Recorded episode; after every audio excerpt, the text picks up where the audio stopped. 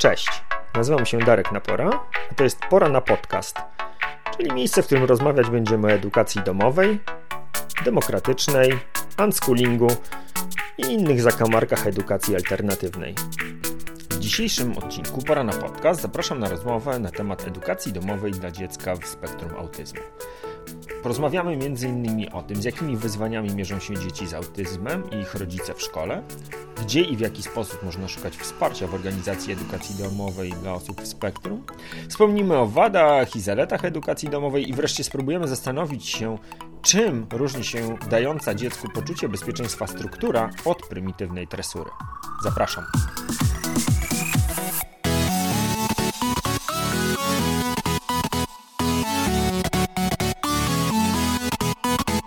Jak u wszystkich teraz y, główny temat na tapecie to i, i, i w pracy i z własnymi dzieciakami, tym co na Ukrainie i, i ciężko, ciężko to wyjąć z głowy. No moje dziecko nie rozumie kompletnie tego, co się dzieje. Ja próbowałam rozmawiać z nim wczoraj w ogóle, co to jest wojna, wiesz, dla niego wojna to jest jakaś tam coś, co usłyszał z lektury, coś, co, czego się nauczył na historii, ale to jest tak pojęcie abstrakcyjne. Zresztą, bo będziemy rozmawiać o, dziećmi z, o dzieciach z autyzmem, tak? Dzieci z autyzmem, to jest, autyzm to w ogóle jest bardzo szerokie pojęcie. E, mamy dzieci, które funkcjonują super i bardzo ciężko je odróżnić od takich dzieci neurotypowych, ale mamy też takie dzieci, no nie boję się nawet powiedzieć tego, mm, zbliżone do, do mm, funkcjonowania jak warzywo. No, po prostu te zaburzenia są już tak ciężkie, że nie pozwalają im w ogóle funkcjonować. Moje dziecko ma miało trzy diagnozy w życiu. E, obecnie jest diagnozowany jako autysta e, atypowy, czyli na bodajże 21 funkcji, które powinien, powinno spełniać dziecko autystyczne, u niego wyszło 15 spełniających, reszta to jest takie, no jakby się nie wpasowuje w to, w to co, co się stało. Do autyzmu atypowego wrzuciło go też tylko to, że zaczął późno mówić, a to jest jakby jedno z kryterium autyzmu atypowego. Od 1 stycznia tego roku w ogóle już przestało się szufladkować te dzieci, wszyscy są w spektrum autyzmu. Są jakieś trzy grupy porobione e, właśnie na temat funkcjonowania, czy to tylko norma intelektualna, bodajże właśnie brak mowy, jakieś tam dodatkowe deficyty, Także mm, czy to jest dobre, czy krzywdzące, nie wiem. No wszystkich wrzucono do, do jednego worka. A to jest naprawdę e, tak szerokie pojęcie i tak szerokie zagadnienie, że, że, że ciężko. Mój funkcjonuje, no można powiedzieć, że na dzisiaj bardzo dobrze, tak? Ale jest totalnym, nie, aspołecznym dzieckiem. On nie potrzebuje ludzi on jest typowo zadaniowym typem. Ja mówię, że on się nadaje do typowo niemieckiej fabryki, gdzie ktoś mu powie, że trzeba pracować od godziny 7 do 16 i będzie najlepszym pracownikiem, ponieważ on nie wyjdzie przed czasem, nie wyjdzie na dodatkową przerwę, niczego nie zrobi, a będzie tak dokładny, że aż za dokładny. E, no i to jest właśnie taki typ. E, a wracając do tego, co się dzieje, próbowałam z nim rozmawiać on nie analizuje. On kompletnie jest tu i teraz i staje, ja z nim rozmawiam, on staje przy oknie, no tam jest spokojnie, tak? Tam się nic nie dzieje, o czym ja w ogóle mówię i nie wiem, czy w ogóle zagłębiać ten temat, bo, bo to jest, ja próbowałam kilka lat nauczyć go pewnych rzeczy i rozumienia pewnych relacji, ale My jesteśmy całe życie w terapii i, i, próbujemy to robić, ale akurat u mojego to nie przechodzi. Ale mhm. moja koleżanka na przykład ma córkę, która strasznie to przeżywa, tak? Widzi coś w telewizji, ona ma już lęki, ona się budzi w nocy, ona ma znowu poczucie, że zaraz coś się stanie. Także ciężko jest rozmawiać ogólnie o takich dzieciach. Jasne. I dlatego to w ogóle nie jest moją intencją, żeby próbować to jakieś, wiesz, ogólno e, obowiązujące wnioski e, wyciągać. Zdecydowanie tak sobie wyobrażam, że, że ta nasza dzisiejsza rozmowa będzie po prostu rozmową o tym, jak ty się z tym masz, jak wyglądają wasze doświadczenia, założeniem, że one są wasze i tylko wasze i być może niektóre osoby będą mogły się jakoś odnaleźć w częściach tego, co się, e, co się przydarzyło tobie i twojemu synowi, i, i jak to przeżywacie, ale, ale nie w taki sposób, że to będzie się przekładało jeden do jednego. Oklepane do bólu powiedzenie, że każde dziecko jest inne i wyjątkowe, w tej sytuacji jeszcze po dwakroć jest, jest prawdziwe. I, I, jakby no, musimy mieć to przez cały czas naszego życia jako rodzice z tyłu głowy, że, że, że nasze dzieci są wyjątkowe. I, i, I to, co się sprawdza u ciebie, wcale nie będzie musiało się sprawdzać u mnie i, i vice versa. A, ale jak o tym opowiadałaś, jak wiesz, każdy, każdy odcinek podcastu zaczynam od tego pytania, co u ciebie żywe. No i teraz w kontekście tego, co się dzieje w Ukrainie, trudno, żeby był jakiś inny temat żywy, ale y, jak słuchałem tego, o czym mówiłaś, y, to pojawiło mi się takie pytanie, a, a jak ty się z tym masz? Y, jak, jak ty to odczuwasz, widząc to, że, że twój syn jakby nie, nie angażuje się i, i, i na takim poziomie emocjonalnym, ale też jakby poznawczo w ogóle nie, nie przyjmuje tego komunikatu, że to jest coś autentycznego, coś realnego. Jakie to u ciebie uczucia? Wiesz, to, y, wydaje mi się, że dla mnie to jest trudne, bo y, mam dziecko autystyczne przeczytałam chyba wszystkie możliwe książki na temat autyzmu. Mam mnóstwo znajomych i rodzin dzieci z autyzmem. Mam wrażenie, że znam, jestem w stanie wyprzedzić tak naprawdę każde jego zachowanie, bo już znam go na tyle, nawet nie tylko jego, tylko też inne dzieci. Ale do tej pory, mimo to, że on już skończył 12 lat, nie pojmuję, jak można być tak obok po prostu pewnych rzeczy, tak? Daję mu książkę, pokazuję mu to, co się dzieje, pokazuję mu w internecie. Telewizję on nie ogląda, w ogóle jakby to nie interesuje, ale na przykład jakieś artykuły w internecie, pokazuję mu to.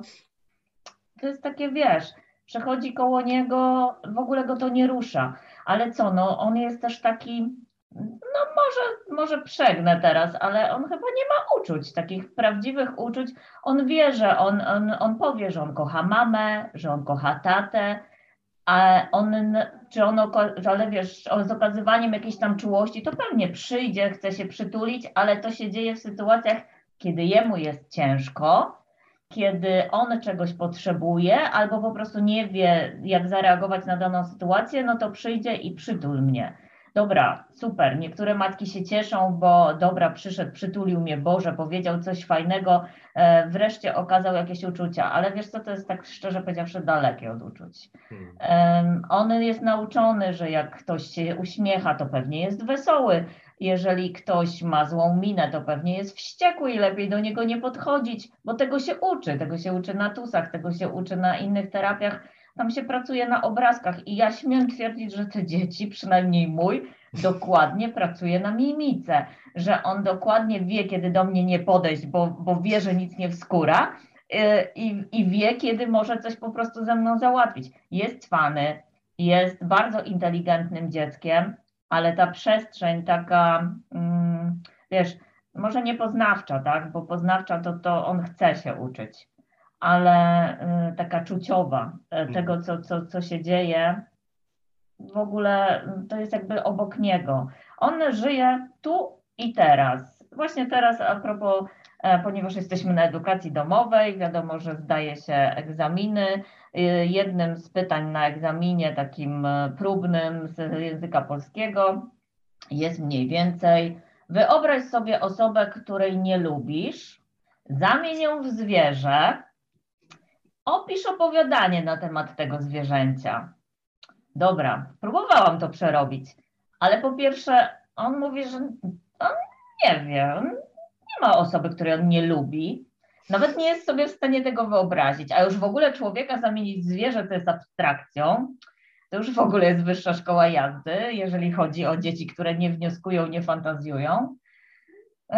No i co? No i siedzisz z takim, próbujesz przerobić temat i zostaje ci tylko jedna rzecz, no napisać do pani z języka polskiego, nie, to nie, to dostosuj pytanie do dziecka, to kompletnie nie przechodzi.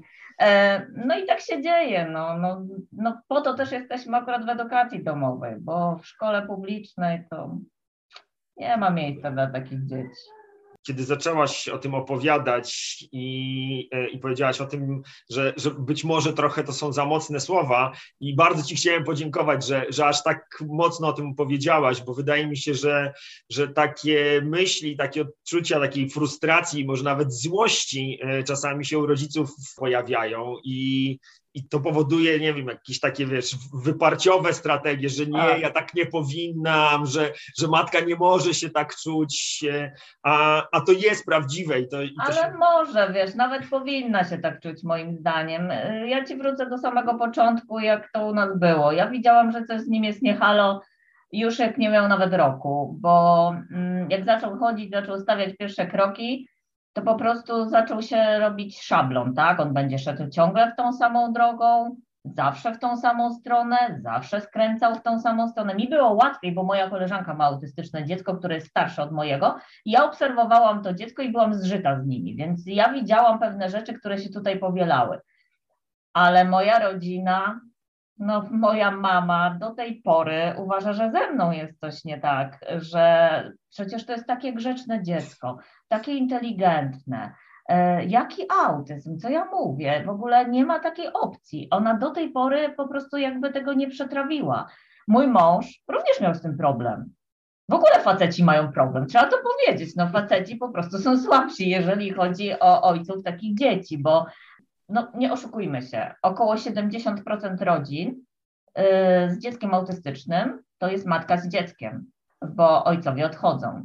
I to trzeba powiedzieć, bo czasami matki się z tym kryją, nie chcą mówić, że mówią, że mają wsparcie, ale jak już bliżej kogoś poznasz, to się okazuje, że ten ojciec jest obok i on w ogóle nie pomaga, bo dla niego tak, rodzi się syn, który miał być, wiesz, piłkarzem, chodzić na karate, jeździć super na rowerze, na rolkach, a tu się nagle okazuje, że to jest fujara, e, nie ma, ma problem z koordynacją, wiesz, nigdy super na rowerze nie pojedzie, e, no nie będzie, kurde, piłkarzem, chociaż są oczywiście dzieci te bardzo wysoko funkcjonujące, które mają predyspozycję do tego, więc od razu zaznaczam, że nie szufladkujemy, ale naprawdę 70% rodzin to są rodziny rozbite i, ja wiem, jak jest ciężko.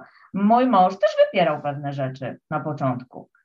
E, no jakoś tak się stało, że, że, że ja ciągnęłam po prostu to terapia za terapią, lekarz za lekarzem, ale powiem Ci uczciwie, że jak dostałam diagnozę, jak on miał 3 lata, Wyszłam z e, budynku, e, gdzie mi tą diagnozę postawiono, wzięłam go do samochodu, wsadziłam w fotelik, siadłam za kierownicą i chyba płakałam pół godziny.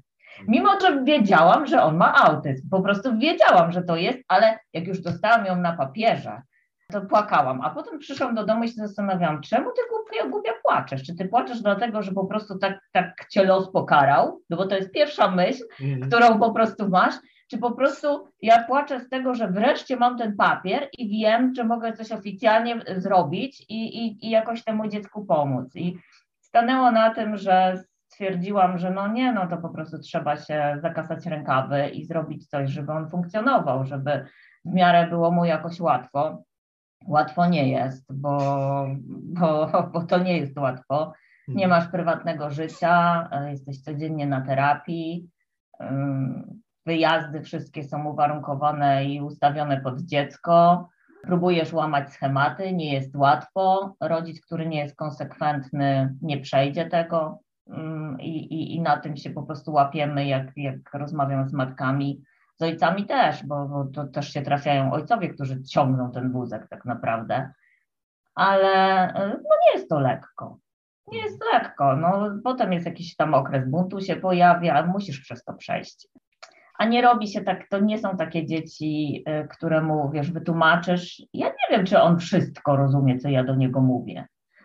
On dla mnie jest trochę taki robotyczny, tak, że super funkcjonuje na kalendarzu, super funkcjonuje na grafiku, ale czy to jest takie, wiesz, robienie coś od siebie? Nie wiem to każdy jest inny. No próbuję po prostu ulżyć mu w życiu. O, może tak, robię wszystko. Zresztą mój, moje dziecko jest w normie intelektualnej. Doszliśmy szczęśliwie do szóstej klasy, a mówiono nam, że szans żadnych nie będzie, że nie będzie mówił, że będzie siedział w kącie i się kiwał. Wiesz, jak dostajesz taką diagnozę, no to jeszcze, że tak powiem, dostajesz popysku, tak? I wtedy Dlaczego ty, dlaczego tobie się to przydarzyło, dlaczego, dlaczego właśnie czekałeś tyle lat na dziecko, bo to akurat moje pierwsze dziecko, jedyne, e, i nagle ci się przytrafia coś takiego. Hmm. No ale co, no, no, no, no trzeba jakoś ruszyć. Jasne.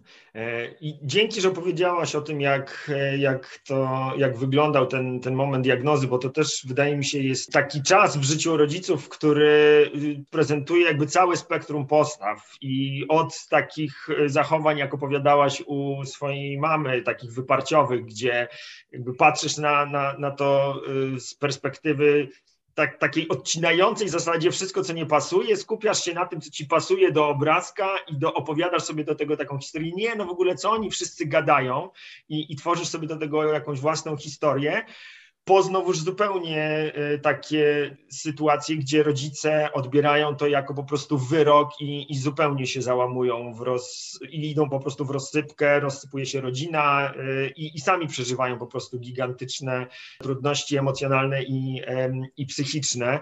I chciałem teraz zadać Tobie pytanie właśnie o, o, o ten czas i o tę chwilę, kiedy, kiedy dostawaliście diagnozę. I jak to wyglądało w Twojej sytuacji? Czy Ty dostałaś od, nie wiem, osób w swoim swoim otoczeniu, albo po prostu jakąś instytucjonalną pomoc y, w przejściu przez ten okres? Nic nie dostaniesz w Polsce. E, jak nie wywalczysz sobie, nie wydrapiesz własnymi pazurami, to nie dostaniesz nic. No niestety, to jest smutna prawda. E, dlatego jest tak dużo zaniedbanych dzieci autystycznych, bo jeżeli rodzic nie ma siły przebicia, e, nie mówię tu o znajomościach, bo, bo no, no nie oszukujmy się, no nie mamy znajomych wszędzie w poradniach, e, u terapeutów, testujesz też pewne rzeczy, bo nie wiesz, czy tutaj to, to będzie dobre miejsce, czy nie. No szukasz sam. No ja trafiłam do poradni akurat e, w miarę dobrej poradni, ale czy mnie pokierowano? Nie, no zaoferowano mojemu dziecku oczywiście zajęcia, wiesz, jedne na trzy miesiące, jakąś tam terapię, może raz na kwartał, bo tyle po prostu przysługuje jakby urzędowo, a po drugie, wie pani, no nie ma miejsc, no przecież tych dzieci jest dużo, no to co bierzesz? No bierzesz, wyciągasz swoje własne pieniądze, szukasz, tak? E, ja miałam o tyle łatwiej, że miałam właśnie koleżankę, która już tą drogę przeszła, E, i potrafiła też mi powiedzieć idź tu, idź tu, idź tu, ale ja non-stop szukałam, po prostu internet non-stop, gdzie, kto, jakie opinie, też trafiłam w bardzo złe miejsca, takie, gdzie w ogóle to przynosiło zupełnie odmienny skutek niż tego, co oczekiwałam, ale przez jednego terapeutę, drugiego, trzeciego, czwartego zakotwiczyliśmy się u tych, u których jesteśmy do tej pory. I e, kosztuje to masę pieniędzy, tak? Po prostu musisz sobie, no to trzeba przeznaczyć jedną pensję po prostu tylko i wyłącznie na terapię. Jeżeli chcesz, żeby dziecko było w terapii, jest mnóstwo rodzin, które na to nie stać. No, ja mam akurat jeszcze o tyle dobrze, że mnie na to stać i, i po prostu to dziecko w terapii jest i on ma codziennie od poniedziałku do niedzieli. Ja wiem, że ktoś mnie tu zaraz zlinczuje, że dziecko jest codziennie w terapii, ale to jeżeli ja widzę, że to jest efekt, i jeżeli ja widzę, że y, mogę teraz iść do pani, która mi powiedziała, że on się z kąta nie ruszy i będzie za przeproszeniem ślina mu po wrodzie ciekła, a teraz mam dziecko, które funkcjonuje normalnie, no to ja nie żałuję ani złotówki wydanej na tę terapię, ale to trzeba trafić naprawdę w dobre miejsce i do ludzi, którzy nie chcą zarobić, ale chcą po prostu pomóc, tak? No nie wiem, ja trafiłam na super ludzi i ale to, to jest tak jak mówię, no, idąc i zostawiając swoje dziecko tylko z tym papierkiem i diagnozą, że autyzm albo zaburzenia ze spektrum autyzmu, idąc do poradni, nie dostaniesz nic, dostaniesz tak mało zajęć, że to się zastanawiam, czy jest w ogóle sens na to chodzić. Hmm. E, bo nie wypracuje się tego raz w miesiącu. Tu trzeba pracować, a przede wszystkim e, trzeba być konsekwentnym i pracować razem z terapeutą a tego w rodzinach brakuje, tak? Bo jest na przykład, nie wiem, matka, załóżmy, która jest przysłowiowym katem i trzyma jakby y, ten reżim nad dzieckiem i próbuje jakby współpracować z terapeutą, ale pojawi ci się zaraz tatuś albo rodzeństwo, które pozwalają temu dziecku na dużo więcej. I jeżeli możesz sobie na coś takiego, nie wiem, zła mama, dobry tata w normalnej rodzinie pozwolić, to przy autyście to nie przejdzie, bo po prostu on będzie tak rozchwiany, on e, kompletnie nie będzie wiedział w ogóle, gdzie się znajduje i co jest dobre, a co złe, że to się nie uda. No tutaj trzeba, wszyscy, wszyscy muszą trzymać jeden prąd. W tym, co mówiłaś, e, dwie rzeczy mnie e, zatrzymały i myślę, że warto, żeby one wybrzmiały na maksa. E, po pierwsze, to jest to doświadczenie tego, że sprawdzaliście różne miejsca i jak wam się, jak nie działało, to po prostu szukaliście nowego, no nie?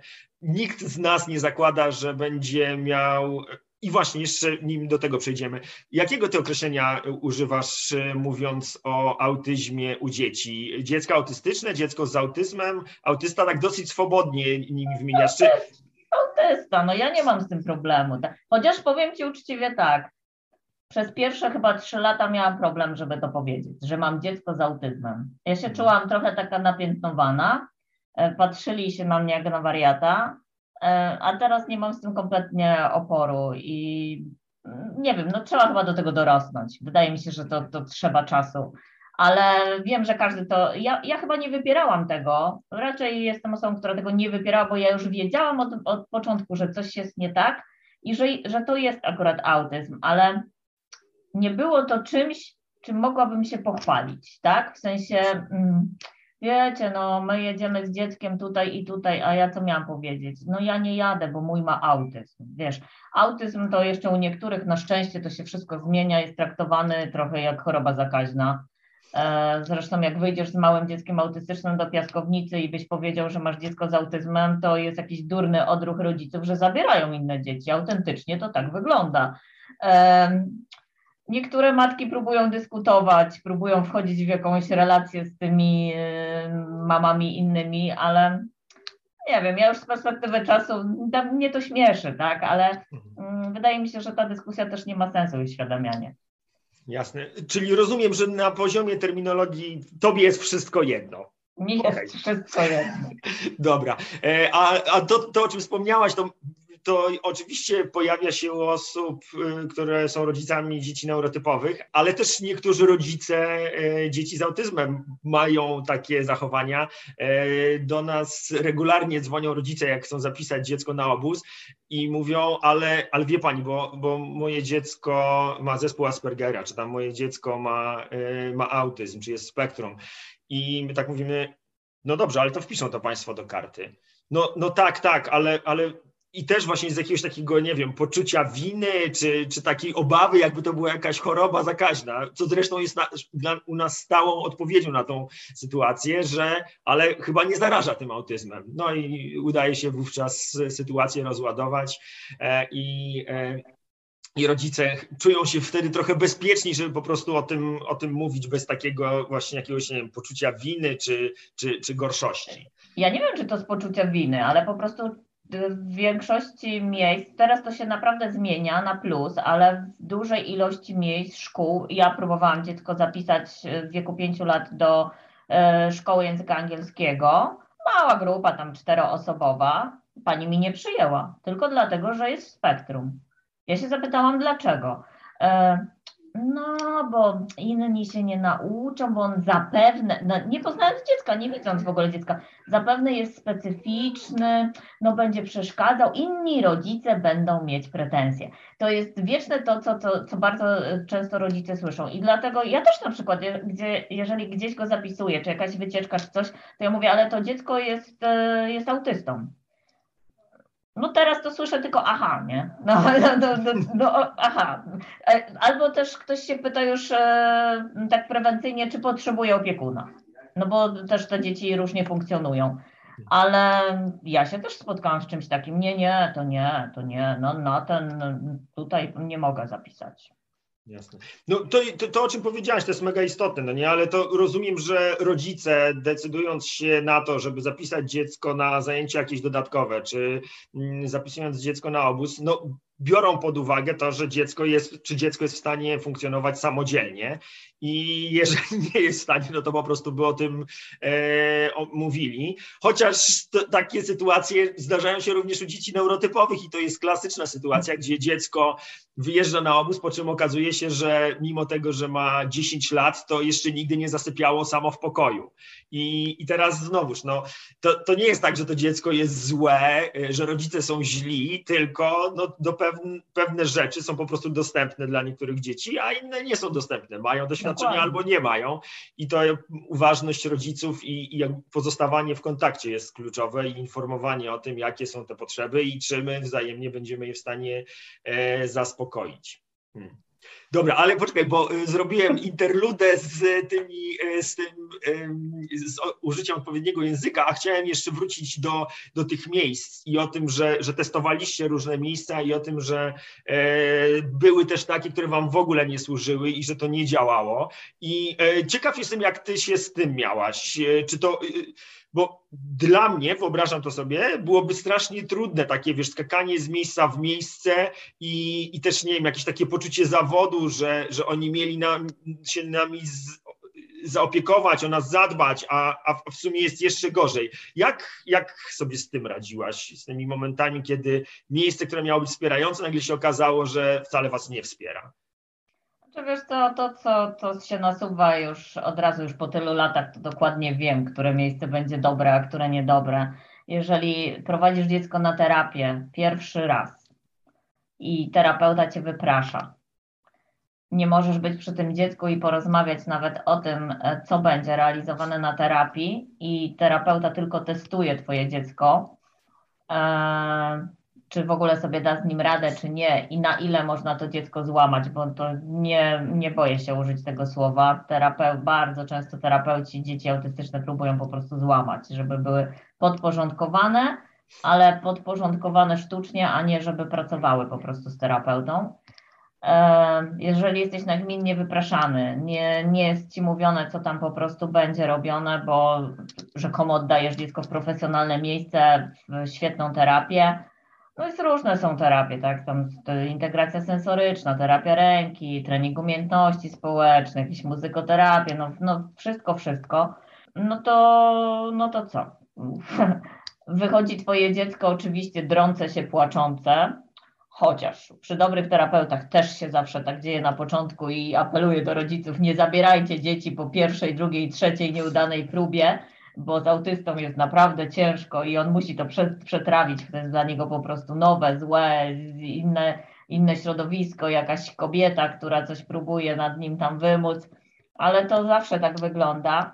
Tylko, że jeżeli widzisz, wiesz, że te zachowania w domu na przykład się nasiliły, te, których próbujesz zniwelować, tak, Które, których dziecko próbujesz nauczyć, no to coś jest nie tak. Jeżeli chcesz rozmawiać z terapeutą, terapeuta nie chce z tobą rozmawiać, bo uważa, że on ma swoją ścieżkę, swoją drogę i, i, i za rok będzie super, to nie, to zabierajmy dzieci, uciekajmy po prostu od takich ludzi.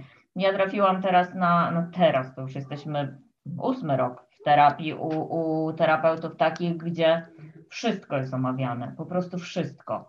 Mimo to, że znają y, moje dziecko na wylot, bo jest tam jak minimum raz, dwa razy w tygodniu, ale po prostu każda rzecz, która jakby się pojawiła, coś fajnego, coś gorszego, teraz się pojawia zazwyczaj tylko coś fajnego, e, jest albo wzmacniane, jest omawiane. Oni nigdy nie zostawiają mnie bez e, jakiejś informacji. Nigdy nie powiedzieli, że nie mogę być na zajęciach. E, ja nie chcę być na tych zajęciach, już jest na tyle duży, że po prostu tam nie chcę być, ale E, nie ma czegoś takiego, że wiesz, kończy się, wybija, nie wiem, jest terapia od 16 do 17, wybija 17, masz wystawiane dziecko za drzwi, e, idź, tak? Nie, tutaj jest poświęcony czas po prostu na omówienie tego, co się zadziało i powiedzenie, co zostało zrobione i na przykład na co też zwrócić uwagę. E, ja często właśnie od terapeuty dowiaduję się pewnych rzeczy, na które ja nawet nie zwróciłam w domu uwagi, tak? Że ale on teraz zachowuje się tak, tak i tak, tak? E, proszę zwrócić na to uwagę i proszę na przykład, nie wiem, więcej poświęcić mu czasu na to czy na tamto. Jak trafisz do miejsca takiego, gdzie nie masz żadnej odpowiedzi zwrotnej ani żadnej informacji, nie, to uciekaj po prostu stamtąd, bo to są wywalone pieniądze w błoto, nic z tego nie będzie. Szkoda. Zresztą teraz jest mnóstwo forów, gdzie można wymienić się z rodzicami, e, które miejsca są dobre, które są złe. Teraz jest lepiej, teraz jest łatwiej niż 10 e, lat temu. Hmm. Wtedy no to jeszcze nie było takie, takie popularne i, i mam wrażenie, że nie było tyle dzieci. No tak. Przynajmniej diagnozowanych po, dzieci. Tak, popyt i podaż e, zdecydowanie tutaj zadziałały. Tak jak mówisz, tych miejsc jest, jest całe multum. Tylko z drugiej strony też szansa na to, że trafisz w miejsce, które nie będzie wam służyć, też się zwiększa, no bo, bo, bo, bo czasami się to trochę po omacku robi. Okej, okay, to dzięki za, za, za ten fragment. I tak jak to powiedziałem, druga rzecz jeszcze, która mnie, mnie zatrzymała w twojej wypowiedzi, to były słowa, których użyłaś. Raz powiedziałaś o systematyczności, potem o konsekwencji. I teraz chciałbym przejść do tej, jakby do przyczynku tego w ogóle, y, po co i jak żeśmy się spotkali do na tą dzisiejszą rozmowę, tak, bo y, dla mnie y, katalizatorem tego naszego całego spotkania była dyskusja, czy post, który się wywiązał na jednej z grup dotyczących autyzmu u dzieci, na której rodzice się wymieniali właśnie takimi tipami i poradami, jak, jak zapędzić dziecko dziecko do nauki, jak je zmusić do tego, żeby, e, żeby się uczyło. No i część tych, e, tych porad, no to, to było tak, jak ty określiłaś e, słowa łamanie dziecka. Mi to się kojarzyło z jakąś taką prymitywną tresurą na zasadzie kija i marchewki, że jak zrobisz to, to, to będzie to, a jak nie zrobisz, to będzie kara. I, I, chciałem się zapytać, jak to, jak to wyglądało w Waszej sytuacji? Czy mieliście jakieś doświadczenia szkolne w ogóle? Czy, czy trafiliście do jakiejś szkoły? Czy mm, od początku edukacja domowa była Waszym pierwszym wyborem? I jak to wygląda? Co masz na myśli, mówiąc o, o tej systematyczności i o tej e, konsekwencji? I to zarówno w kontekście takiego codziennego funkcjonowania, jak i tych, e, tych e, elementów szkolnych. Tresura się bardzo, to słowo bardzo często się pojawia przy dzieciach z autyzmem. Złamać dziecko, bardzo częste pojęcie. E, tylko pytanie, jak to zrobić i po co to robić. Nie wiem, co ktoś może odebrać jako złamanie dziecka, bo mm, patrząc na mojego syna, on czuje się bezpiecznie w środowisku przewidywalnym, w takim, gdzie będzie wiedział, co, co się zadzieje, bezpiecznym dla niego, czyli otoczenie po prostu, które zna. Każda nowa rzecz, każda, po prostu każda nowa rzecz, którą zaczynaliśmy, to była tragedia. To było na przykład, no zobaczymy, czy nazwiesz to właśnie łamaniem dziecka. Moje dziecko e, miało mega problem, żeby wejść na schody ruchome. Po prostu to było dla niego, no nie wiem, strach, płacz, krzyk, wejście na schody ruchome. Ale tak, mieszkamy we Wrocławiu. No praktycznie nie ma większego sklepu bez schodów ruchomych. Jeżeli chce się tu funkcjonować, no trzeba do cholery na te schody wejść, tak? Przecież nie będę wiecznie go wnosić po schodach albo jeździć, szukać windy i jeździć windą. No i co trzeba zrobić? Trzeba stanąć przed tymi schodami, próbować tłumaczyć, że to nie jest nic strasznego, że ludzie jadą, że, że mama jedzie, zostawiałam go na dole. Ja, wie, ja wiem, że wyglądam jak wariatka, ja wiem, że się ludzie na mnie patrzyli, ale to jest, wiesz, już wtedy masz to gdzieś, tak? Masz, myślisz sobie o swoim dziecku, że musisz coś zrobić, musisz coś przepracować i tyle. E, raz Straż Miejską do mnie po prostu wzywali, że dziecko krzyczy na dole, ja pewnie mu robię krzywdę. Ja już też przeszłam przez takie, takie opcje, ale co? No dobrze, no stoi ten młody na dole, drący się, kopiący, leżący, wiesz, nie wiadomo co się dzieje. Ja jeżdżę jak gubia po tych schodach, góra na dół i pokazuję, że się tak naprawdę nic nie dzieje. Wciąganie go na siłę powodowało jeszcze większe darcie, od razu protest rodziców, bo o dziwo reagowali, bo czasami, wiesz, przechodzą obok i nic nie, nie robią. E, no ale to co, ja się znęcałam oczywiście, tak, że po prostu coś pewnie go bije, znęcam się, do, do nikogo nie docierało w ogóle o co chodzi. Ja robiłam chyba nie oszukując podejście, żeby wejść na schody trzy miesiące. E, jeżdżąc non-stop po prostu i próbując go, żeby wszedł na te schody, takimi wiesz, metodą małych kroków. On wszedł później na te schody. No i co? I czy to jest tresura? Ja nie wiem, jak to nazwać, bo niektórzy to nazwą, że ja złamałam po prostu to dziecko i one tam weszło. No teraz sobie jeździ, wiesz, sam po schodach i nie ma z tym żadnego problemu. E, więc pod jakim kątem my rozumiemy tresurę? Bo no co, miałam odpuścić? Wiesz, nie da się dzisiaj bez tego funkcjonować. E, tylko, że moim zdaniem nazwałabym bardziej tresurą to, jeżeli ja bym tam była trzy dni, na pierwszy dzień rzeczywiście może bym tłumaczyła, na drugi dzień ciśnienie by mi wzrosło, bo dalej nie chcę wchodzić, a na trzeci wzięłabym go za habetę i po prostu po tych schodach przewiozła i pewnie by na czwarty dzień nie miał problemu, żeby tam wejść. Ale u mnie to trwało trzy miesiące. Cóż, ja mogę odpowiedzieć, jeżeli to jest pytanie, nie wiem, czy chcesz usłyszeć moją no odpowiedź. Właśnie, no, czy to jest dla ciebie złamanie dziecka? Y, wiesz co, no ja w ogóle bym chyba nie próbował, natomiast to oczywiście jest jakaś, y, jakiś tam mój wybór, który sobie teraz projektuję w głowie, co bym zrobił gdyby. Y, ja w ogóle nie korzystam ze schodów ruchomych sam dla siebie. W Warszawie też ich mamy multum, szczególnie korzystając z metra, przy którego linii my mieszkamy, no to, to schody są, są schody ruchome są najnormalniejszym narzędziem, czy najczęstszym narzędziem do przedostawania się na peron i z nich nie korzystam E, z przyczyn zdrowotnych po prostu uważam, że chodzenie e, po schodach będzie, będzie dla mnie lepsze. I to jest jakiś wybór, którego, którego ja bym dokonał. E, natomiast to są rodzicielskie wybory, które my będziemy dokonywać jako, jako rodzice i, i każdy z rodziców będzie, będzie musiał wykonywać dla siebie, więc, więc o, no tak, tak ja to postrzegam. Bo schody to jest tylko jedna rzecz, ale później były drzwi szklane, wiesz, przez które też był problem z przejściem. E, potem były na przykład spacery, gdzie moje dziecko tylko preferowało chodzenie jedną i tą samą drogą, a ja niekoniecznie chciałam iść konkretnie do tego sklepu, tylko musiałam po prostu zrobić zakupy w zupełnie innym. Czy to jest łamanie dziecka, że siedziałam na krawężniku po 40 minut czekając, aż przestanie się drzeć i zdecyduje się iść na, ze mną? Wiesz, to jest trochę dostosowywanie go do, do takiego świata, który istnieje, bo nie zawsze jest wszystko według grafiku, nie zawsze jest tak, jak sobie zaplanujemy. No niestety, no, życie jest brutalne i um, czy to nazwać łamaniem? No ja byłam, ja uważam, że byłam cierpliwa, a, a nie, że to w pewien sposób może tak, to jest po prostu naginanie rzeczy, ale załóżmy, że ja tego nie zrobiłabym. No i co ja bym miała? Miałabym dwunastolatka, który bałby się wyjść z domu, o bo my oczywiście my mamy windę, zacięła się winda, to nawet sobie nie jesteś w stanie wyobrazić, że on z szóstego piętra nie chciał zejść, bo on tych schodów nie znał. On znał ciągle windę. E, I pierwszy raz chyba miał 6 lat, jak zacięła się winda. My schodziliśmy chyba 3 godziny. E, I no, nie da się tak żyć, nie da się tak funkcjonować, no trzeba go jakoś przystosować. E, więc jak to zrobić? Oczywiście, ja tłumaczę, mój mąż ma mniej cierpliwości niż ja.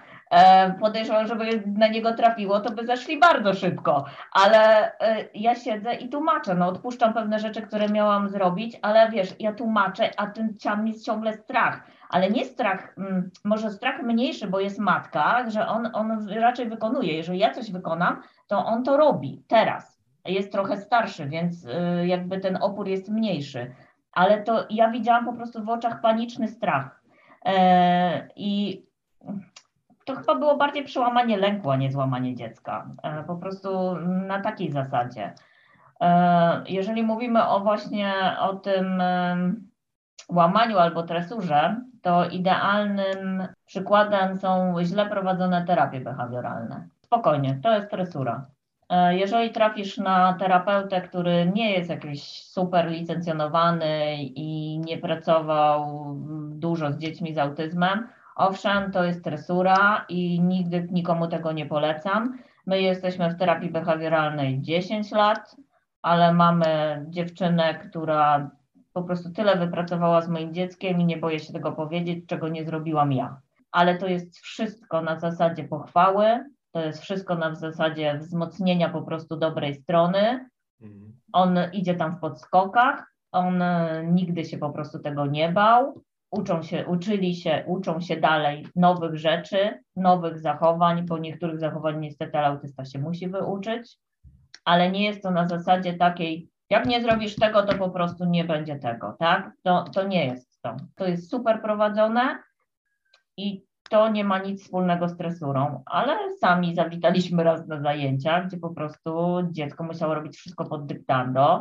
E, musisz to wykonać, bo nie dostaniesz tego. Albo pytanie, do, uciekajmy rodzice od takich terapii, gdzie wchodzi się na zajęcia. Co pani syn najlepiej lubi na przykład zjeść? No, cukierka albo soczek. E, niektóre mamy mówią, no za soczek to by się dał pociąć. No i co potem słyszysz na terapii? Pani mu każe ten i soczek stoi, wiesz, widzisz ten soczek. Jeżeli zrobisz to, dostaniesz soczek. No sorry, ale to jest jak psa w tym momencie. To się w ogóle nie sprawdza w życiu. My przeszliśmy chyba przez dwie godziny takiej terapii, to ja po prostu dziecko zabrałam, jeszcze nagadałam kobiecie, bo, bo to się nie sprawdza, ale to jest bardzo często, po prostu bardzo często praktykowane. I nie dziwię się tym mamom, które piszą tam różne posty, że uciekajcie od terapii behawioralnej jak najdalej. Owszem, ale nie uciekajcie od prawdziwej terapii behawioralnej, bo ona jest bardzo fajna. Chociaż nie u każdego się sprawdza, tak? No, nie jest metoda dla wszystkich dzieci. Tak, no ja myślę, że tutaj kluczowe absolutnie jest to, że, że potrzebna do tego wiedza ekspercka. No nie? Jak jako rodzic y, trafiasz na terapię i to jest twoja pierwsza terapia, to po prostu tego nie wiesz. Ty z, tą, z tym swoim bagażem doświadczeń już wiesz, na co zwracać uwagę. Masz jakieś swoje czerwone lampki, które ci się zapalają, jak, jak widzisz, że, że coś nie działa. Natomiast no, te, te, te wszystkie trudne doświadczenia właśnie z tego wynikają, że e, jesteś po prostu w rozsypce, rodzina, e, rodzina właśnie się dowiedziała, że, że dostali diagnozę, szukasz pomocy i, i nie jesteś w stanie ocenić, czy, ta, czy to to miejsce i ta osoba jest kompetentna i będzie w stanie pomóc Twojemu dziecku. No i, i, i stąd właśnie mega, e, mega szkodliwe po prostu sytuacje mogą się pojawiać, które tak naprawdę i dziecko, i, i rodziców krzywdzą, bo, bo, bo sprawiają, że, że te trudności będą się tylko nawarstwiać i, i robić coraz większe, no bo wiadomo, jak działają nagrody. Tak? No, działa dopóki jest, a jak jej nie ma, to nagle się okazuje, że, że pojawia się schemat kary, bo, bo brak nagrody jest odbierany jako kara. Tak, a całe życie nas po głowie nie będą głaskać, no niestety. Ale wracając do tego, czy my chodziliśmy do szkoły. Tak, moje dziecko zahaczyło o przedszkole, super przedszkole, przedszkole integracyjne z bardzo dobrym podejściem dla dzieci, e, bardzo dobry czas dla dziecka, dużo stamtąd wyniósł. Zerówkę też e, mieliśmy integracyjną, bardzo fajna. Potem przyszedł czas na wybór szkoły. No oczywiście wybieram szkołę najbliżej siebie, ale szukam szkoły tylko i wyłącznie integracyjnej. Stwierdzam, że integracyjna będzie najlepsza. Będzie mało dzieci ze spektrum, większość dzieci zdrowych, gdzie to się na pewno sprawdzi. Wybieram szkołę integracyjną. No dobra, pierwsze trzy klasy wiadomo, co to jest. E, to ta nauka to taka nienauka, e, coś tam sobie robią. Dzieci są w jednej klasie, mają jedną panią, nic się zbytnio nie zmienia, rytuał codzienny jest bardzo podobny. No, nawet idzie. E, nawet jest dobrze, nawet jest zadowolony, chodzi. Pomijając fakt, że szkoła integracyjna to była prywatna szkoła, do której daliśmy dziecko, nie spełniała kompletnie norm ustawy szkoły integracyjnej, ponieważ tych autystów było znacznie więcej. Może nawet trochę miała naleciałości pod specjalną, jeżeli chodzi o ilość dzieci. Fakt faktem, wszystkie dzieci w normie intelektualnej. Więc dobra, dobra, mówię, jest ok, chodzi, coś tam nawet z tej szkoły wynosi, coś się uczy, jest super. Oczywiście poza szkołą mieliśmy swoje zajęcia dalej terapeutyczne, więc on się jakby utrzymywał E, bardziej z tych zajęć niż z tego, co wynosił ze szkoły. Nastąpiła klasa czwarta. Wiadomo, co to jest, e, więc tak, każdy nauczyciel swoje wymagania. Jeden mówi, zgłaszajcie się na lekcji. Drugi mówi, nie odzywajcie się, sam was będę pytał.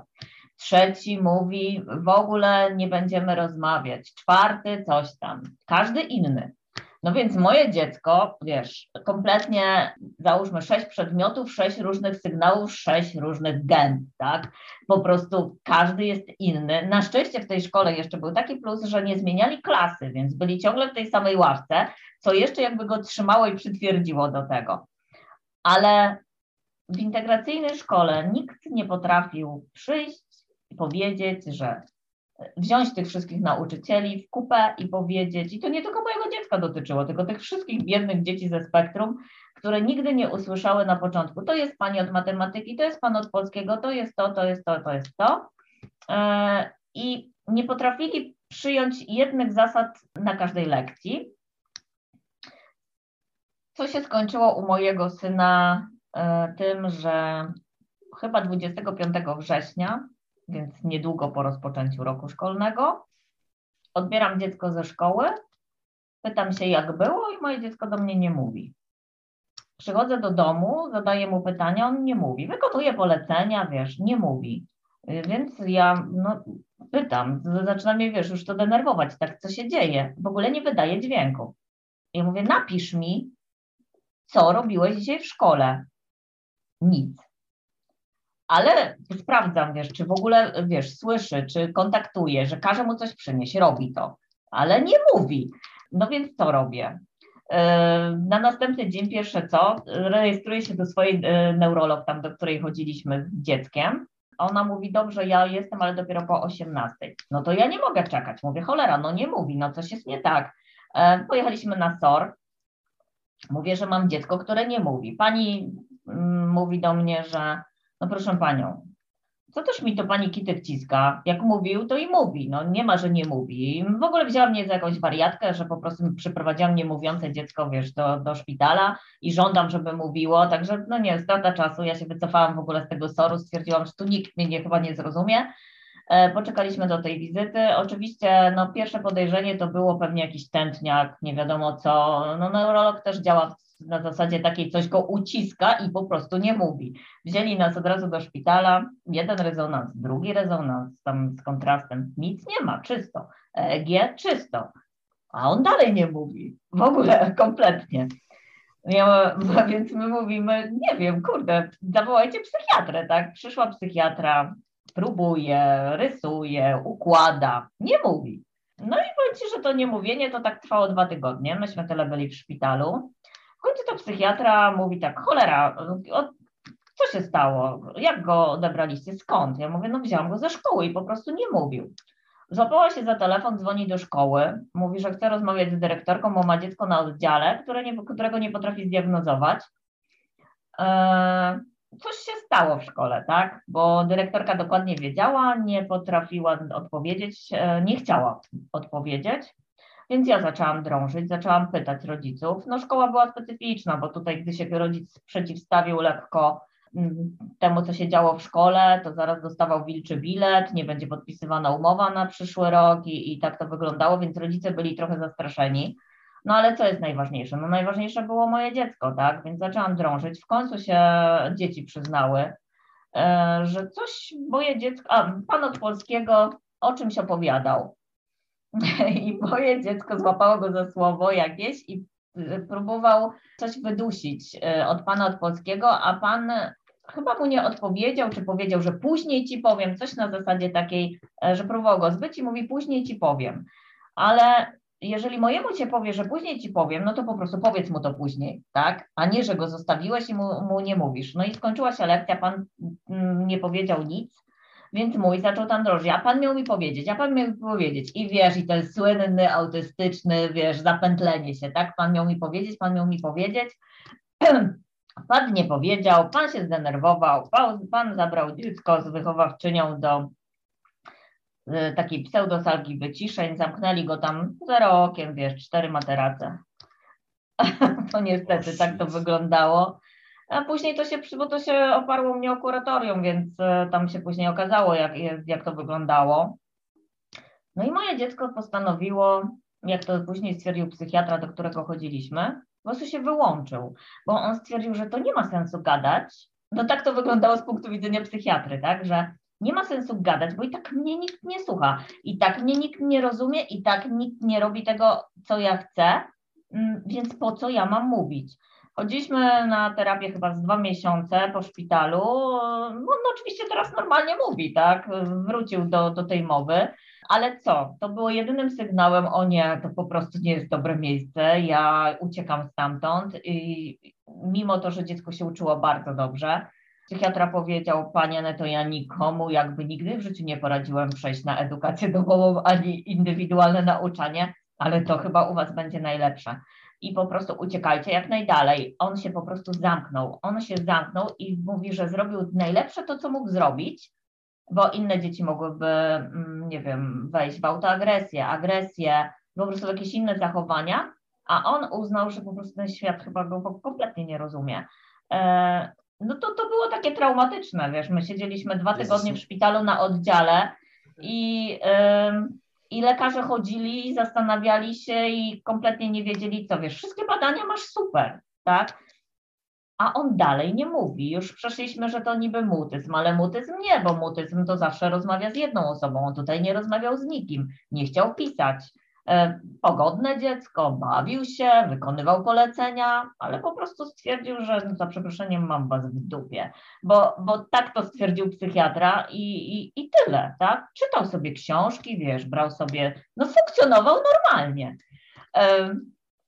No i co? Um, oczywiście szkoła się. Przepraszam, ja wejdę ci w słowo, ale to, to jest w ogóle, ty powiedziałeś, że to jest trochę traumatyczne. No to jest najbardziej hardkorowa historia, jaką w życiu słyszałem pomysł zamykania dziecka? Czy tam ktoś z nim był w tym pokoju? No oczywiście, że nie.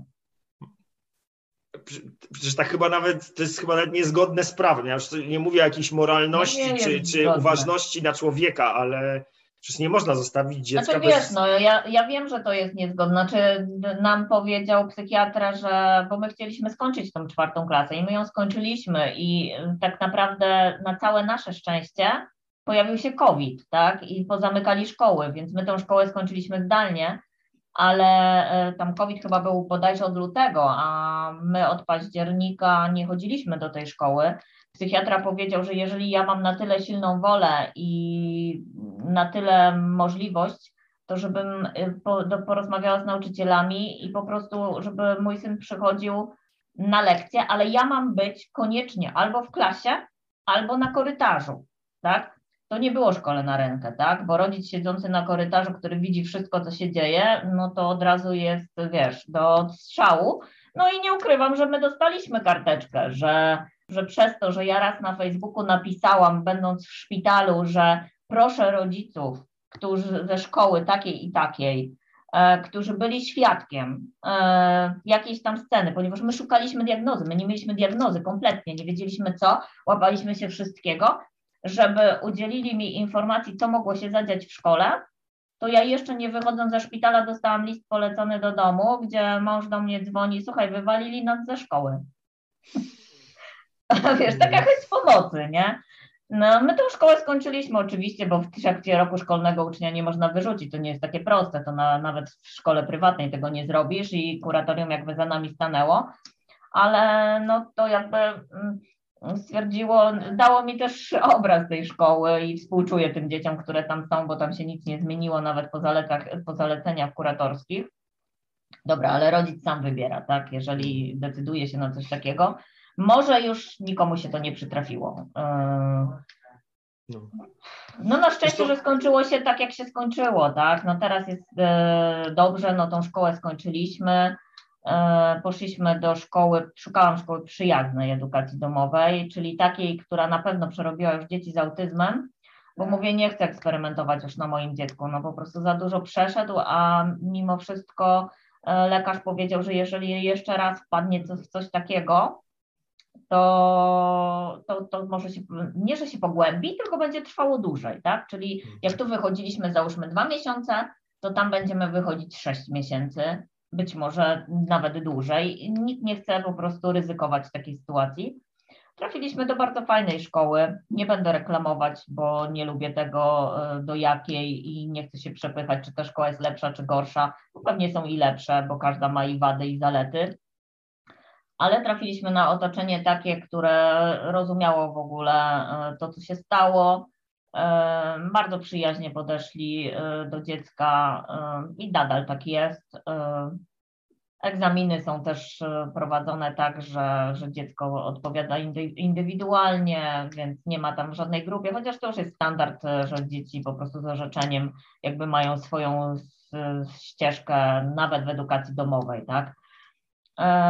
I, i, I tak się nasza, ja nigdy nie planowałam przejść do edukacji domowej, no to po prostu los nas trochę zmusił i tak jak mówię, no psychiatra powiedział, który on jakby nie jest entuzjastą. Oni nie lubią tego, bo oni uważają, że dziecko trzeba socjalizować. Tak, tak? On brzydkie słowo na S miałem powiedzieć. tak, on ma być w grupie, no przecież to autysta, on nie mogę go zamknąć, nie? E, on ma iść do dzieci i ale mówi pani Aneto, no tutaj to ja już muszę pani powiedzieć, że pani to niech tam ucieka. E, więc no, no, no uciekliśmy. No. Nie zgadzam się z tym, że dziecko, które jest w edukacji domowej, jest zamknięte w czterech ścianach. Pewnie i takie są. E, no moje dziecko nawet z racji terapii po prostu wychodzi codziennie, ale my sobie zorganizowaliśmy, znaczy ja sobie to zorganizowałam dosyć sprytnie, bo razem z koleżanką, która jak zobaczyła, co się z moim dzieckiem stało, zabrała swoją trójkę dzieci również z tej szkoły, wynajęłyśmy sobie mały lokal, wynajęłyśmy sobie emerytowaną panią, która jest oligofrenopedagogiem. Zaznaczam, że moje dziecko jest tylko i wyłącznie w spektrum, tamta trójka to są dzieci neurotypowe zupełnie zdrowe, więc nie potrzebują żadnego wsparcia. I nasze dzieciaki mają nie codziennie, ale mają taką pseudo mini szkołę. Nie, że tam siedzą i się uczą. Nie, to jest totalny luz. One po prostu robią co chcą. E, w międzyczasie gdzieś tam w tą książkę zajrzą, jeżeli coś im się podoba, ale no to jest na zasadzie takiego, że mój wychodzi, tak? On wie, że on nie siedzi w domu, on ma jakiś obowiązek, on ma swój grafik, no coś robi, tak? I nie zgadzam się z tym, że, że te dzieci kompletnie nie mają z nikim kontaktu. No kwestia wyboru i kwestia rodzica, tak? No, no, są oczywiście dzieci, ale to nie mówimy o autystach. Są dzieci zdrowe, które są zamknięte w domu, są zdane na edukację domową i siedzą tylko przy komputerze i tak wygląda ich funkcjonowanie. Ale jeżeli ktoś chce, jeżeli ma czas, e, to przynajmniej tutaj u nas we Wrocławiu jest tak dużo miejsc, za darmo, gdzie można te dzieci wrzucić na zajęcia nie te, na które pcha szkoła i na które trzeba chodzić, tylko po prostu na te, na które dzieci chcą chodzić. Hmm. Mogą się rozwijać w różnych kierunkach i, i to jest naprawdę fajne. No. E, czas albo pieniądze, no nie, bo to, to też no jest no tak, że, e, że są rodziny, które, które radzą sobie z tym w ten sposób, że, że po prostu mają zasób czasu, bo na przykład któreś z rodziców w ciągu dnia e, nie musi pracować wiem, prowadzi działalność gospodarczą albo ma pracę, która, która jest elastyczna godzinowo i mogą wtedy właśnie zorganizować sobie taką oddolną inicjatywę rodziców i, i wtedy ten rodzic może po prostu poświęcać swój czas. Lub w drugą stronę, jeżeli masz hajs i ale potrzebujesz pójść do pracy, to są miejsca, w których po prostu można e, to dziecko powierzyć na, na kilka godzin dziennie, gdzie ten kontakt e, z e, osobami innymi jest, jest zapewniony. I to nie są osoby, z którymi się łączy tylko tyle, że się urodziliście w tym samym roku, no nie? Co dokładnie, też dużą dokładnie. No wiesz, ja pracuję na etacie. Ja jestem teraz w pracy. Mam nadzieję, że mój szef tego nie ogląda, ale mój prezes jest wspaniałym człowiekiem, więc, e, więc on rozumie po prostu ten temat. Poza tym, no nie oszukujmy się, no, e, mimo to, że nie ma za dużo pomocy od państwa dla, dla takich rodzin z dziećmi niepełnosprawnymi, ale jest jeden przepis, o którym tak naprawdę dużo rodziców nie wie i z niego nie korzysta. Jeżeli ma możliwość pracy zdalnej albo jakiejś takiej bardzo elastycznej pracy, no to jest przecież przepis, który pozwala E, tą pracę wykonywać rodzicowi dziecka niepełnosprawnego. Teraz wiem, że chyba w nowelizacji kodeksu pracy będzie wchodził na sztywno już ten przepis, że e, pracodawca nie będzie mógł odmówić w ogóle takiej pracy. E, więc ja jestem zdania, że no korzystajmy z tego, tak, że jeżeli można, to jakoś w ten sposób można wesprzeć to dziecko. I nie jest prawdą, że jak się jest na etacie, my w dwójkę pracujemy. Więc y, no i dziecko jest na edukacji domowej i dziecko, które wymaga opieki jest na edukacji domowej, więc da się to zrobić i da się to zorganizować. Fakt, że oczywiście no, płacimy kobiecie, która przychodzi i opiekuje się naszymi dziećmi, no ale możesz też się zrzucić z inną rodziną, tak? Nie musi być sam. Zresztą sam to nie miał operacji bytu, bo sam to niech on sobie tu siedzi u mnie w pokoju, niech ma inne dzieci, to zawsze on się też od tych dzieci coś nauczy, a dzieci nauczą się od niego no dzieci tamte się nauczyły mnóstwa tolerancji po prostu mają cierpliwość anielską czasami, e, rozumieją kompletnie zachowania, ale on też się uczy po prostu od innych dzieci, że trzeba wchodzić w jakieś interakcje społeczne. E, oni robią tam po prostu wszystko. E, chyba najmniej się uczą, ale, ale to chyba na tym polega, tak? No dobrze, to teraz doszłaś e, tą wypowiedzią do e, tego magicznego momentu, e, w którym zapytam Ciebie o odszkolnianie, bo cały ten post, który nas tutaj sprowadził we dwoje do tej rozmowy, dotyczył właśnie kwestii uczenia się i, i nauki. Jak to wygląda u Was? Czy Twój syn z chęcią przygotowuje się do egzaminów, uczy się w tym takim szkolnym rozumieniu? Czy Wy w ogóle w ten sposób podchodzicie do nauki? Jak wyglądało Wasze odszkolnianie? Wiesz co, no tak, pierwszy rok był trudny, bo to było dla mnie nowe. I mówię, Jezus, muszę czytać te wszystkie książki, uczyć się na nowo ja, tak? Polskiego, jakieś tam. Ja jestem akurat jeszcze bardziej techniczna, więc ten polski, ta historia, to mówię w cholerę jasną, jakie głupoty tam piszą w ogóle w tych książkach. Stwierdziłam, nie, ja, zresztą no, no co, no mogę ci pokazać, no ja mam książki chyba nieotwarte. No tak jak my. Także no nie bardzo, że tak powiem, korzystamy z tych książek. E, nasza szkoła akurat przyjęła taki system, że daje zagadnienia, e, na które jakby się pojawią na egzaminie i których wymaga. No każdy nauczyciel jest inny i każdy jakby pewnych tematów nie porusza, na któreś tam bardziej zwraca uwagę. Więc no nie ukrywam, że moje dziecko, sztywne dziecko, uczy się bardziej pod egzamin ale no nie, też nie wygląda na zasadzie wertowania książki, wiesz, z historii, bo będzie pytanie takie i takie. To coś sobie tam poszuka, nie uczy się codziennie, bo tutaj, nie, nie, absolutnie, my się w ogóle uczymy strasznie mało i e, ja nie wiem, jaką to zalicza e, i zalicza to naprawdę na albo cenę bardzo dobrą, albo celującą. Fakt faktem, że ma po prostu fotograficzną i mega dobrą pamięć i tego mu zazdroszczę, bo przeczyta dwa razy i, i jest w stanie to wszystko powtórzyć ale y, on ma jakby plan zajęć. Y, sztywnym planem zajęć są terapie, y, których on nie odpuści, bo po prostu lubi, lubi na nie chodzić. I trochę się kłóci, jak wpisuję mu na przykład, bo teraz nam zostały dwa egzaminy do końca, jeszcze polski i matematyka, bo resztę już zaliczyliśmy. Jak mu wpisuję na przykład matematykę, bo ja mu muszę wpisać, wiesz, jak ja mu nie wpiszę, że on ma po prostu dzisiaj zajrzeć do tej matematyki albo zrobić jakieś ćwiczenia, to nie ma, nie ma opcji, żeby on w ogóle tam usiadł do tego i cokolwiek zrobił. E, więc mu wpisuję. Jeżeli mu wpiszę, że na przykład o godzinie 13 ma, ma nie wiem, przeczytać e, trzy rozdziały lektury, to żeby się waliło, paliło, on podchodzi, bierze tą lekturę i po prostu ją czyta. Mm. Naprawdę, on obiadu nie zje, dopóki nie przeczyta, bo ja mu napisałam, że o 13 ma przeczytać. I, i tak to wygląda. I, i E, no nie jest to tak, jak widzę u dzieci mojej koleżanki, która ma zdrowe dzieci i nie potrzebują w ogóle narzucenia, bo ja, ja niestety, ale no to muszę się przyznać, ja muszę mu narzucić pewne rzeczy, że musi zrobić i muszę mu zaplanować i on na przykład, nie mam konkretnie ustalonego egzaminu z matematyki, nie wiem którego, i codziennie, od kiedy kazałam mu przerabiać jakieś tam zajęcia z matematyki, to przychodzi do mnie i się mnie pyta, kiedy jest ten egzamin z matematyki, bo to już wiesz, musi być zapisane i ta data nie może być zmieniona. Ja się boję, żeby pani tam się czasem nie rozchorowała, bo to już będzie problem. Um, nie jest też taki, że on sam z siebie coś weźmie, chyba że jest to jego ulubiony przedmiot typu geografia, do którego nawet się nie przygotowaliśmy, tylko po prostu poszedł na pałę. E, bo zawsze się tym jakby interesował i to były rzeczy jakieś tam poboczne. I okazuje się, że to zupełnie wystarcza, żeby zdać bardzo dobrze egzamin. E, no ale takie rzeczy, no typu, nie wiem, no to co trzeba przerobić, no matematyka, no to muszę mu narzucić. Polski też, chociaż tu jest problem, bo tutaj musimy bardzo współpracować z nauczycielem ze względu na to, że to nauczyciel musi zrobić polski pod dziecko, a nie odwrotnie, bo jest to, co mówiłam, on kompletnie żadnego, żadnej fikcji nie uznaje i tu pani się musi pogimnastykować trochę, żeby jakość w ogóle, o coś można go było zapytać i jakoś zweryfikować wiedzę.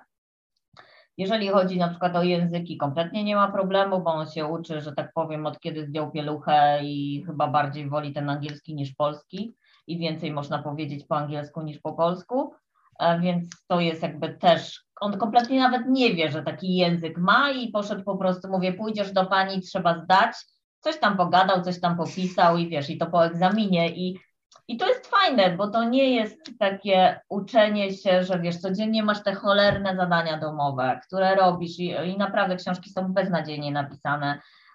i robi się to bez sensu i, i ten rodzic ślęczy nad tymi zadaniami domowymi. I ja miałam wrażenie, że ja byłam w szkole, a nie on, e, gdzie wszyscy mi zawsze tłukli do głowy, pójdziesz na edukację domową, to zobaczysz, ile będziesz musiała czytać, uczyć i jego uczyć. Guzik, prawda. Ja byłam w szkole, jak on był w systemie, to ja chyba byłam w tej szkole. Mam wrażenie, że my nic nie robiliśmy, tylko ciągle po prostu te zadania domowe, ciągle też przerabialiśmy. Tutaj tego nie ma. Y, szczerze powiedziawszy, ja nie wiem, czy przez cały rok, my się uczymy trzy miesiące, ale nie tak wiesz, że siedząc, nie? I po prostu osiem godzin ryjemy cokolwiek. No nie wiem, no mi się tak wydaje, że trzy miesiące to jest jakby zaliczenie chyba wszystkiego. No I to, to jest, myślę, że gdybym mu narzuciła, że zaczynamy, dobra, we wrześniu, we wrześniu idziesz na angielski, geografię, to poszłoby z marszu. Później na przykład październik, następny przedmiot i jakbym mu tak rozpisała, to chyba byśmy byli po szkole, no tylko też po co, nie? Po co też tak gonić? No mamy trochę czasu, więc zostawiliśmy sobie coś tam na koniec ale y, odstawiliśmy te książki. To, to dla niego było trudniejsze niż dla mnie, bo on był przyzwyczajony, że codziennie coś jest. I jak zaczęła się szkoła, znaczy wybiło 1 września, dla niego było dziwne, że my do tej szkoły nie idziemy. Tak? I ja mu tłumaczyłam, już tam nie pójdziesz, nie będzie takiej szkoły, będziemy się uczyć w domu. I przez chyba pierwsze dwa tygodnie ja słyszałam od niego, jaki dzisiaj jest plan lekcji. Rozumiesz, że co będziemy robić? Ja mówię, nie, nie będzie już planu lekcji. I on miał z tym problem, a nie ja, tak? Ja mu musiałam po prostu y, pewne rzeczy y, odsunąć od niego. I dla niego było dziwne, że jest zeszyt ćwiczeń i my po prostu tego zeszytu ćwiczeń nie robimy, nie? My, my ten zeszyt ćwiczeń, jak tak. siadaliśmy, jak robimy matematykę, to nie robimy zadanie pierwsze, drugie, trzecie, tak jak pani by zadała w szkole systemowej, tylko jak my robimy, to my jedziemy przez trzy działy na przykład od razu. E, teraz to jest dla niego jakby normalne, bo wie, że ma zdać egzamin z matematyki i codziennie mnie dopytuje, ile dzisiaj na przykład ile dzisiaj będę miał zadań do zrobienia, tak? Ale on jest zadaniowy, on jest inny i on jest taki, że po prostu musisz mu narzucić, ale dla niego to było trudne. Dla dziecka, które żyje w schemacie, po prostu wyjście ze szkoły to chyba traumą było. było. Ja, że tak powiem, złapałam oddech. Ja jestem po prostu szczęśliwa, że ja odeszłam od tej cholernej szkoły, bo dla mnie to było trudne. To było, wiesz, przychodzenie z pracy, siadanie, przerobienie od nowa lekcji, bo nie wiem, czy po prostu albo on kompletnie nic na tej lekcji nie uważał, ale inne mamy to robiły to samo, więc stwierdziłam, że chyba nie tylko on. I siadanie ciągle do tych, y, wiesz, lekcji. Mhm a kiedy czas wolny, a kiedy jakaś zabawa, a kiedy jakiś basen, wiesz, jakieś, jakieś inne rzeczy. My mamy teraz czas na basen, chodzimy na jakieś różne zajęcia, wychodzimy sobie gdzieś, no to wtedy nie było na to czasu. Tak, słyszę ten, ten, ten spokój i taką wręcz radość w Twoim głosie i, i tak, ja, ja myślę, że to, to, co powiedziałaś o tym języku polskim, to e, w wielu e, szkołach przyjaznych to jest już standard po prostu na tak. każdym przedmiocie, że, e, że to nauczyciel przychodzi po to, żeby dać dziecku, pokazać, co ono umie, co ono wie i, i że to nie jest tak, że na, na egzamin przychodzisz i, i tak jak sobie wiele osób wyobraża egzamin, jak gdzieś tam na studiach wyglądało, no nie, że po prostu prostu wszystko przed tobą i nigdy nie wiesz, co cię czeka. Tylko ten egzamin to jest po prostu spotkanie, które e, jest tak naprawdę oddaniem kuratorium co kuratoryjne, to znaczy oni muszą dostać papierek, na którym jest coś tam napisane, że, że dziecko podeszło do, do egzaminu i żeby się to stało, no to, to dziecko po prostu przychodzi opowiedzieć o tym, co, co ciekawego się e, dowiedziało z jakiegoś tam przedmiotu. Czasami nawet się zdarza, że to są takie wieloprzedmiotowe projekty w niektórych szkołach, e, tak. które, które pozwalają jedną jakąś opowieścią zaliczyć, e, zaliczyć kilka przedmiotów. Więc e, ja nawet mam taką pokusę, żeby powiedzieć, że, że edukacja domowa w takiej właśnie formie to jest idealne narzędzie do spełniania obowiązku nauki dla dzieci nieneurotypowych, bo pozwala im przyjść ze swoimi rzeczami, a nie one się muszą dopasowywać do każdego nauczyciela, do każdego przedmiotu, co jest po prostu dla nich samo w sobie zbyt wielkim e, obciążeniem. Wiesz, to jest duża też rola rodzica, bo musisz rozmawiać z nauczycielem, bo na, każde dziecko jest inne I nie da się też zrobić szablonu, tak, że ja wszystkim autystom dam taki sam zestaw, załóżmy. bo to się nie uda, tak? To po prostu rodzic musi coś powiedzieć. My na przykład mamy bardzo dobre też orzeczenie. No w orzeczeniu mamy wpisane, że moje dziecko kompletnie jakby nie ogarnia z matematyki zadań z treścią. No i pani nie ma z tym problemu, tak, żeby te zadania zastąpić zupełnie czymś innym, tak, mm, więc to wyrzuca. Pan z geografii na przykład pierwsze pytanie, które było, jak e, zapisywałam dziecko na egzamin, to było tak, pani mi powie, co tam u niego nie bangla, e, jak mam go pytać? I ja po prostu tak zapytam. I tak naprawdę on go pytał o to, o co ja poprosiłam, żeby go pytał, tak?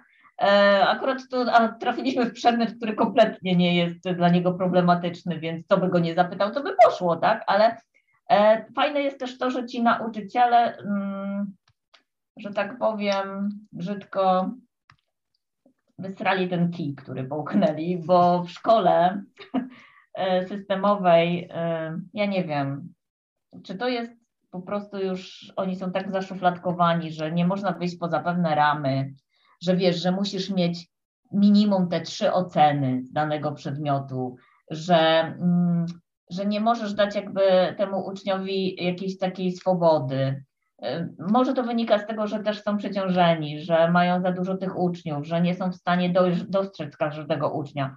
U mnie w szkole systemowej pani w czwartej klasie dopiero się zorientowała, że moje dziecko biegle mówi po angielsku. Pani anglistka. Nie miała jakby na to czasu spojrzeć przez trzy lata.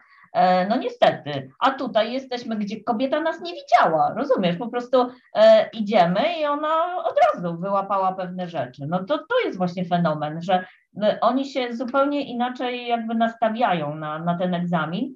No i dobrze jest, no wiem, że w niektórych szkołach to nie funkcjonuje, ale my akurat jesteśmy w takiej, że rzeczywiście nauczyciel nie szuka tego, żeby złapać go na tym, czego nie umie, tylko bardziej mm, szuka tego, żeby to dziecko mogło się wykazać z tym, co umie, tak? Że jak przyniesie dziecko jakiś projekt, bo ja na przykład swoje męczę, e, żeby manualnie coś popracował, e, to nikt nas za to nie gani, tak to nie jest potrzebne. My nie musimy tego projektu przynosić, ale jeżeli on to zrobi, no to okej, okay, no to fajnie się tam nauczyciel zachowa, pochwali, e, że zostało coś wykonane, to nie jest wiesz na zasadzie, no dobra, przyniosłeś to połóż i tyle, nie? bo tak to wygląda w systemie. A, a tutaj to, to, to jest zupełnie coś innego i, i wydaje mi się, że dzieci, przynajmniej moje, nie mają kompletnie stresu.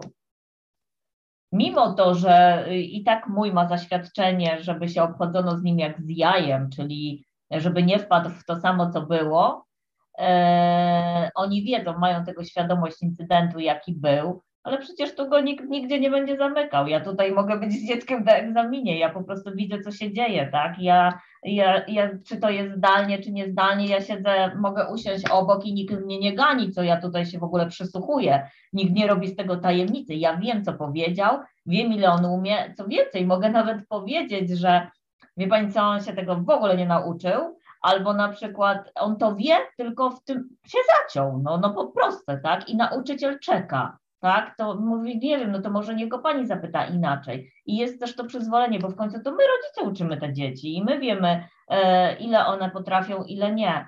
E, wiem, że jest mnóstwo rodziców, którzy, przynajmniej jak były te zdalne egzaminy, dużo robiło za dzieci. No to są takie grupy.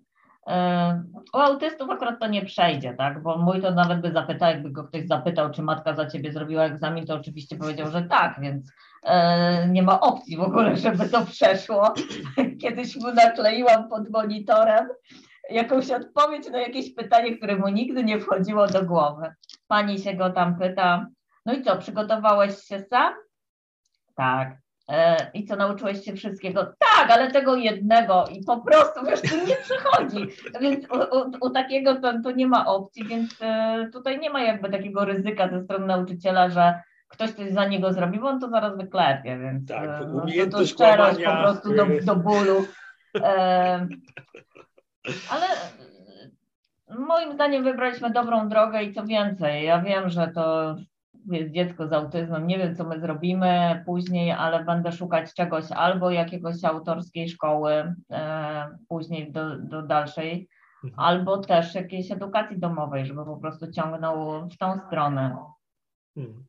No, edukacja domowa do 18 roku życia, można przez wszystkie etapy przejść w ED, także no, jak Wam służy, to, to nie ma powodu, żeby, żeby szukać innych rozwiązań, choć oczywiście e, potem się robi challenge e, z tymi kontaktami e, z, z grupą odniesienia, no nie? że jak, jak się rozej... dopóki to jest tak naprawdę odpowiedzialność rodziców, to to można o to zadbać. Potem to wymaga no, do, dodatkowych, e, dodatkowych jakichś tam e, umiejętności od, od człowieka, no nie? Żeby, żeby o, to sobie, o to sobie zadbać e, i już wtedy samodzielnie, ale to też się dzieje. No ja, ja pracuję w kilku takich miejscach i, i obserwuję, że, że da się to zrobić, że są, są te grupy facebookowe, które, które są przestrzenią do, do, do spotkań i one się też przenoszą do, do realu.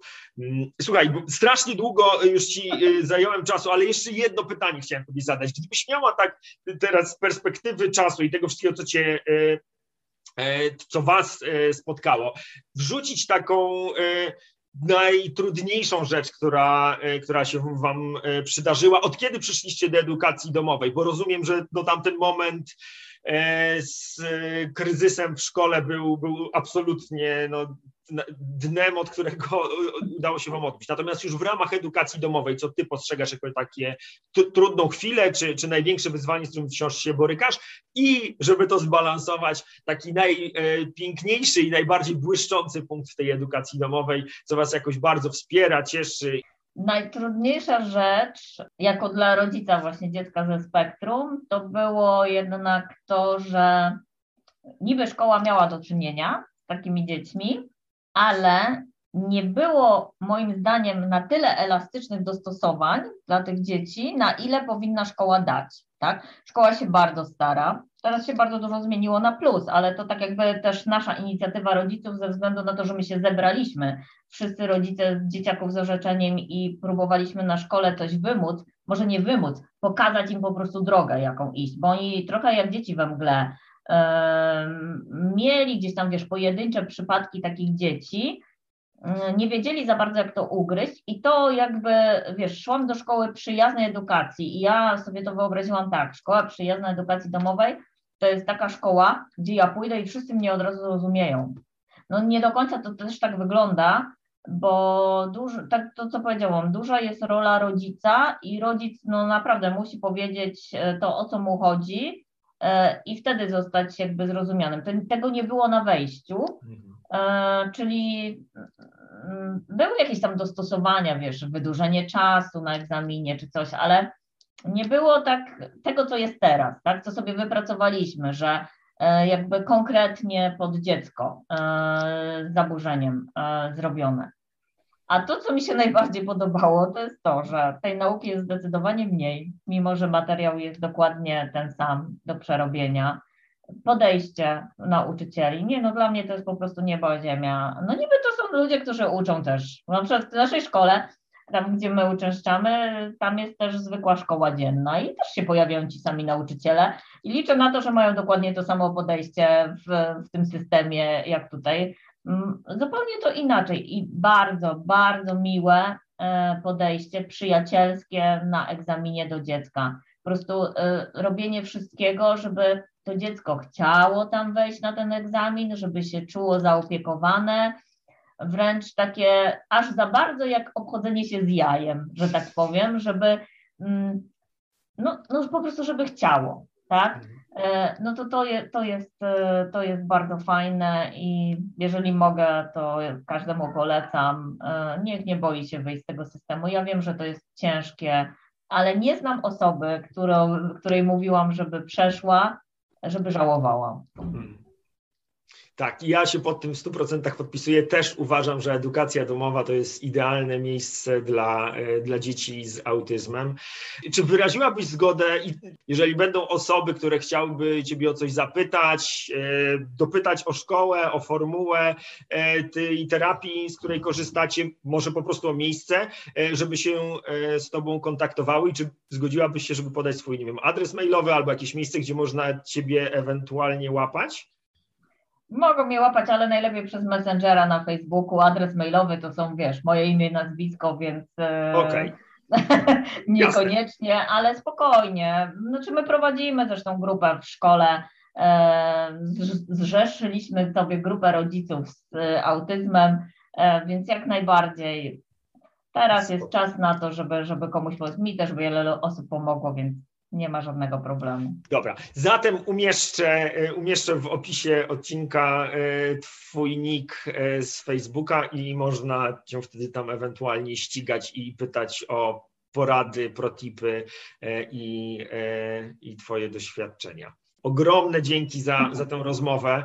E, myślę, że była bardzo, bardzo wartościowa i merytoryczna. I jeszcze taka osobista uwaga, że strasznie mi się fajnie z Tobą gadało, tak po prostu. O, więc... Zapra zapraszam do Bogawędki. Więc dzięki, dzięki stokrotne. Dzięki.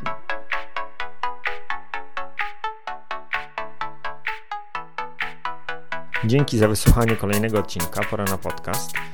Jeśli uważasz, że był wartościowy, cenny, ciekawy, to zachęcam Cię do udostępnienia go. Jeśli masz jakieś pytania, wątpliwości dotyczące edukacji domowej albo któregoś z tematów, który poruszaliśmy w odcinku, to zapraszam Cię do kontaktu. Mój adres znajdziesz w opisie tego odcinka.